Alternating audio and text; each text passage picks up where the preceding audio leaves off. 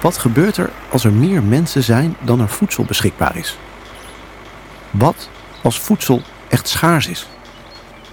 De Engelse econoom Robert Malthus waarschuwde al in 1798 voor de Malthusiaanse val.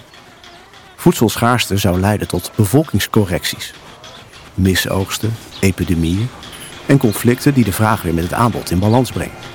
Niet door overproductie, maar door oversterfte, door een tragedie.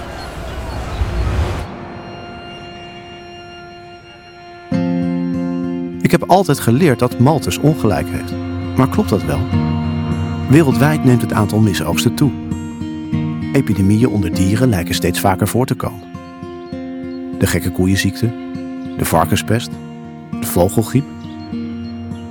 De wereldbevolking groeit volgens cijfers van de Verenigde Naties bovendien harder dan de productiecapaciteit.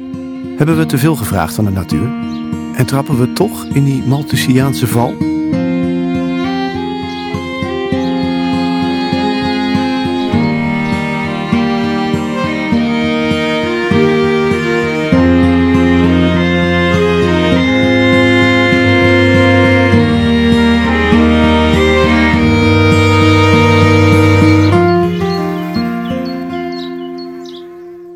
Bij de podcastserie De houdbaarheid van de voedselketen. In drie afleveringen onderzoeken we waarom de voedselketen onhoudbaar is, welke oplossingen er zijn en hoe die te realiseren. We praten met voedsel- en klimaatwetenschappers, ondernemers en financieel experts. Dit is aflevering 2. Een zoektocht naar de toekomst van vlees en duurzame proteïne. De vorige aflevering, het gelijk van Malthus, ging over de oorzaken van de vastgelopen voedselketen. Hoewel die uiteenlopend en complex zijn, blijkt de landhonger van de agrarische sector de kern van het probleem. Die zorgt voor het afnemen van biodiversiteit en tast het zelfhelende vermogen van de planeet aan. What's the worst thing we've ever done to the planet? The answer is tough to hear because it conflicts with some of our most cherished beliefs. Farming. Veeteelt is volgens de experts zo inefficiënt en vervuilend dat de toekomst van dierlijke producten onzeker is.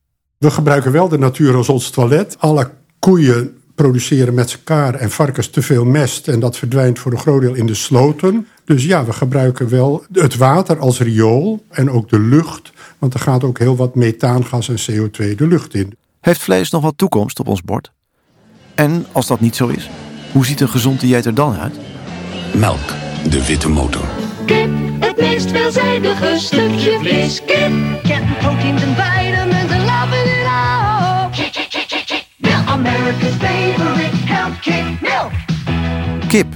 biefstuk, melk, yoghurt. Ik ben net als veel andere Nederlanders opgegroeid met het idee dat ze lekker en eigenlijk onmisbaar zijn in een gezond dieet. Hoewel de meeste voedingsspecialisten vlees en zuivel nog steeds zien als belangrijk onderdeel van een gezond dieet, is het ook de voornaamste oorzaak van de landhonger. Die vernietigt biodiversiteit en draagt bij aan de opwarming van de planeet.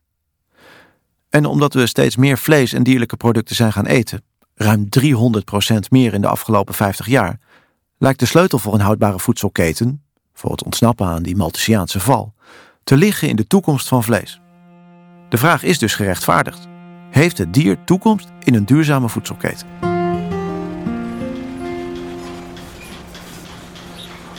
Maar wat is dat dan precies, een duurzame voedselketen? En waaraan moeten oplossingen die daaraan bijdragen voldoen? Kernwoorden zijn voldoende, gezond, betaalbaar en zonder de planeet te vernietigen. Voldoende voedsel voor iedereen, dus in het jaar 2050 genoeg voor ongeveer 10 miljard mensen. En dat voedsel moet zo geprijsd zijn dat iedereen het kan betalen. Het moet ook gezond zijn en dus voldoende voedingsstoffen bevatten. En dat alles zonder de planeet te schaden. De klimaatfootprint geeft aan hoe belastend een bepaalde voedingssoort is voor de planeet in zijn hele levenscyclus. Uitgedrukt in vierkante meters landgebruik. Voor een kilo rundvlees is ongeveer 850 vierkante meter grond nodig. Een kilo varkensvlees staat gelijk aan zo'n 83 vierkante meter. En diezelfde hoeveelheid kip vergt 74 vierkante meter aarde. Ter vergelijking, een kilo graan kost slechts 30 vierkante meter. Een gemiddelde Nederlander eet zo'n 75 kilo vlees en heeft daarmee een ecologische voetafdruk van zo'n 40.000 vierkante meter grond per jaar. Op basis van deze resultaten adviseren veel experts, zoals Milieu Centraal, verbonden aan de Nederlandse overheid dan ook om te minderen of te stoppen met vlees eten. Tegelijkertijd zou je een lans kunnen breken voor het eten van enkel kip, aangevuld met een beetje varken. Ook zegt Milieu Centraal en ook heel veel wetenschappelijke studies, dus ze hebben dat ook wel uit de wetenschap. Eigenlijk zou je veganistisch moeten eten. Als sinds ze uitgeloot werd voor de opleiding dierengeneeskunde, houdt de Wageningse professor dieren en duurzame voedselsystemen Imke de Boer zich bezig met de rol van dieren in de voedselketen. Ze is een van de tien mondiale winnaars van de prestigieuze Rockefeller Food System Fishing Prize. En is de auteur van het boek Past het dier nog op ons bord? Wat we nou zouden moeten doen in mijn ogen is het akkerland. En dat is het land dat geschikt is om plantaardige producten op te produceren die wij rechtstreeks zouden kunnen eten. Zouden we ook moeten gebruiken voor het produceren van die plantaardige producten. Voor ons. En nu is het zo dat wereldwijd 40% van het akkerland wordt gebruikt voor het produceren van diervoer. Graan of soja. Moeten we niet weer doen. De boer won de Rockefeller Foodprijs voor haar visie op de voedselketen in 2050, als er dus 10 miljard mensen zijn. Ze tackelt een groot deel van de problemen uit aflevering 1 door de nadruk te leggen op het sluiten van de voedselkringloop. Vruchtbaar akkerland wordt gebruikt voor de productie van gewassen voor menselijke consumptie, dus niet langer voor de productie van voer voor dieren.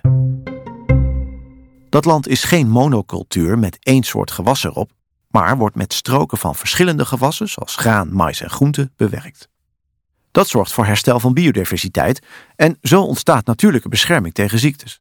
Als gevolg kan het gebruik van pesticiden steeds verder worden teruggeschroefd. En het dier dan? Ook die heeft een functie in de visie van Imke de Boer. Bij het produceren voor mensen komen reststromen vrij. Die reststromen zijn geschikt voor dierlijke consumptie. En al die reststromen die we produceren, inclusief onze eigen uitwerpselen, zouden we weer moeten terugvoeren in het voedselsysteem. Om de bodem te voeden. Maar een deel van die reststromen kunnen we ook aan dieren geven en die mest kan weer terug naar de bodem. Daarnaast is een groot deel van het weide- en grasland niet geschikt om gewassen op te verbouwen. Daar kunnen koeien en varkens grazen. Zo heeft het dier toch een functie in het sluiten van de voedselkringloop. In haar presentatie haalt de boer twee voorbeelden aan van een toegepaste circulaire boerderij.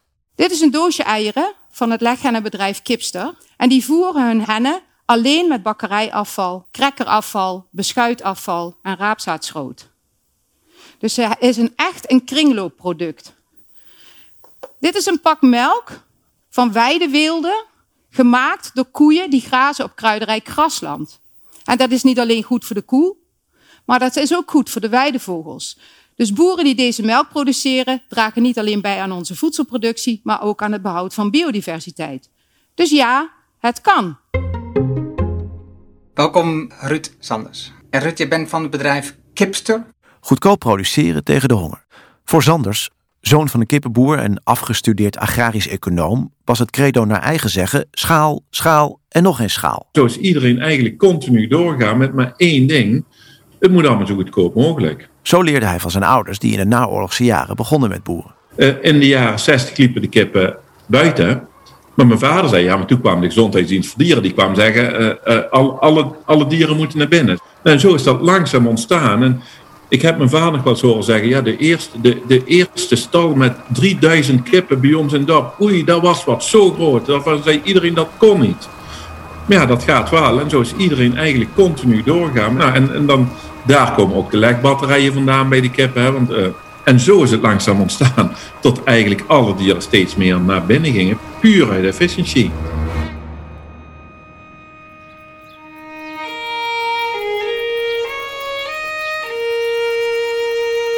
Na tegenslagen, vogelziektes, gevolgd faillissement... ging Sanders op zoek naar alternatieven... die meer in harmonie met planeet en dier waren.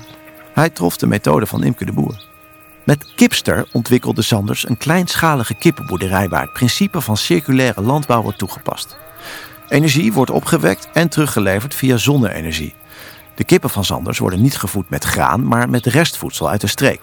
De haantjes, vaak een afvalproduct, worden verkocht voor consumptie.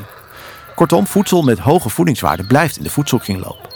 Het leverde hem nationale en internationale erkenning op als meest CO2-neutrale boer. Is de oplossing reëel en schaalbaar? Kringlooplandbouwoplossingen zoals die van Imke de Boer veronderstellen dat reststromen efficiënt van afvalbak naar voerbak en van toilet naar land komen. Dat vergt efficiënte infrastructuur. Als je alleen kijkt naar de westerse ontwikkelde wereld, zijn die er of zijn die te realiseren. Ook eten Nederlanders bijna twee keer de aanbevolen hoeveelheid proteïne.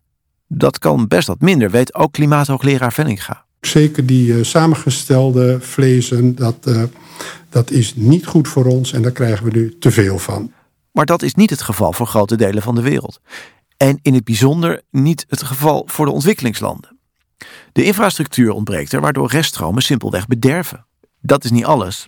Echt te optimistisch en daarmee onrealistisch lijkt de haalbaarheid van de gedragsverandering die kringlooplandbouw veronderstelt. En ik moet eerlijk zeggen, dat valt niet altijd mee. Ik hou heel erg van een ontbijt met yoghurt. En dat doe ik iedere dag. En daarmee heb ik eigenlijk al 30% van mijn week eiwit verorberd. Dat betekent dat als ik tussen de middag iets op mijn brood wil doen, want ik hou ook nog heel erg van kaas, dan kan het af en toe kaas zijn, af en toe ei, maar zeker ook een paar keer per week humus of een ander plantaardig beleg. Tijdens het avondeten, omdat ik melk en kaas eet, kan ik ook een heel klein beetje gehakt eten. En nog een enkele maaltijd op basis van ei, bijvoorbeeld in frittata, kan ook. Maar ik moet ook zeker vier keer in de week volledig plantaardig eten. En dan kan ik ook nog één keer in de week iets uit het water eten. Mosselen of in de toekomst misschien wel zeekomkommers. En ik vind het zelfs best wel moeilijk, maar ik denk er wel heel erg goed over na. De sociologie en psychologie leert dat verandering van gewoonte erg moeilijk is. En als mevrouw de Boer zelf het al moeilijk vindt zich aan dit dieet te houden, is het dan realistisch te denken dat de gemiddelde Nederlander, laat staan wereldburger, minder vlees gaat eten? De cijfers wijzen vooralsnog op het tegendeel. De Nederlander eet nog steeds veel vlees. En dat is opvallend, want als je in de supermarkt rondkijkt of op de kaart van een restaurant, dan lijkt de vleesvervanger aan terrein te winnen. Nou, niet dus. Integendeel zelfs, blijkt uit onderzoek van de Universiteit Wageningen. En dit jaar bleek, het neemt niet af. Sterker nog, het leent uh, licht toe. Ik vond het heel verrassend. Terug naar klimaathoogleraar Vellinga, die aan het begin van de aflevering zei dat een oplossing altijd uit een combinatie van innovatie en optimalisatie bestaat. Misschien moeten we ook uh, nadenken over een uh, hele andere manier van landbouw. Wie naar voedselinnovatie kijkt, komt vanzelf uit bij vleesvervangers. Van de 3D-geprinte biefstukken die biefstukkenrestaurant Loetje aanbiedt, tot op basis van schimmel gekweekte schnitzels. Tot op heden hebben ze gemeen dat ze niet dierlijk zijn en niet zo smaken. Er is nu ook sprake van een uh, fabriek in Finland. Die maakt notabene eiwitten van bacteriën en waterstof. Dus in een bioreactor. Wat nu ook al gebeurt met insuline en met de bacteriën die we in de yoghurt vinden en in de kaas. Maar dus dat je bacteriën gebruikt die zichzelf vermenigvuldigen en eiwitten maken. Precisiefermentatie lijkt toch het meest op bierbrouwen. Maar dan met bacteriën en lucht. Het resultaat zijn extreem rijke proteïnes waar bijvoorbeeld vlees van gemaakt kan worden. Naast Vellinga is ook klimaatonderzoeker en columnist George Monbiot, die we ook hoorden in aflevering 1, onder de indruk. If we can replace the protein which we currently obtain from the flesh and secretions of animals with protein from single celled organisms, we could release vast tracts of the planet from our impacts, restoring forests and salt marshes and freshwater marshes and sea floors. This great rewilding could stop the sixth great extinction. It could save Earth systems. It could draw down vast amounts of carbon dioxide from the atmosphere. We have the possibility here of solving two of our great existential crises with the same strategy. By shifting the production of protein rich food off the farm and into the factory, we could help solve these great predicaments of hunger and extinction.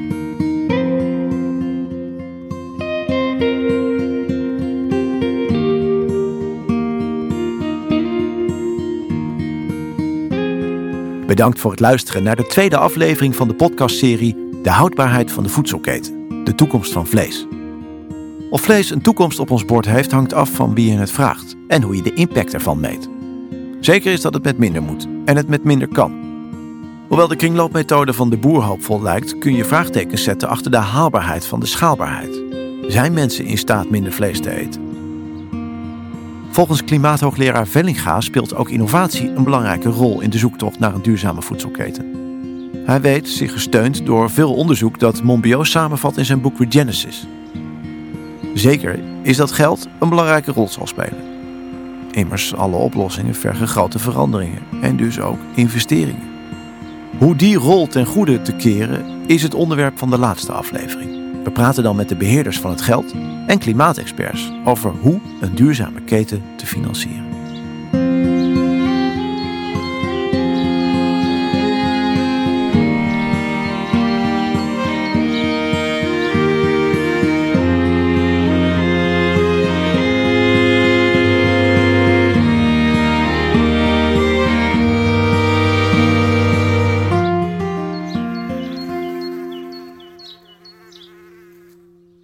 Deze podcast is mogelijk gemaakt door onze sponsor Pictet Asset Management. Pictet heeft ons de vrijheid gegeven onafhankelijk onderzoek te doen naar de staat van de voedselketen en, ongeacht de uitkomsten van dat onderzoek, een podcast met de bevindingen ervan te maken. Pictet Asset Management is een beleggingsinstelling en biedt klanten beleggingsoplossingen. Kijk voor meer informatie en de disclaimer op hun website.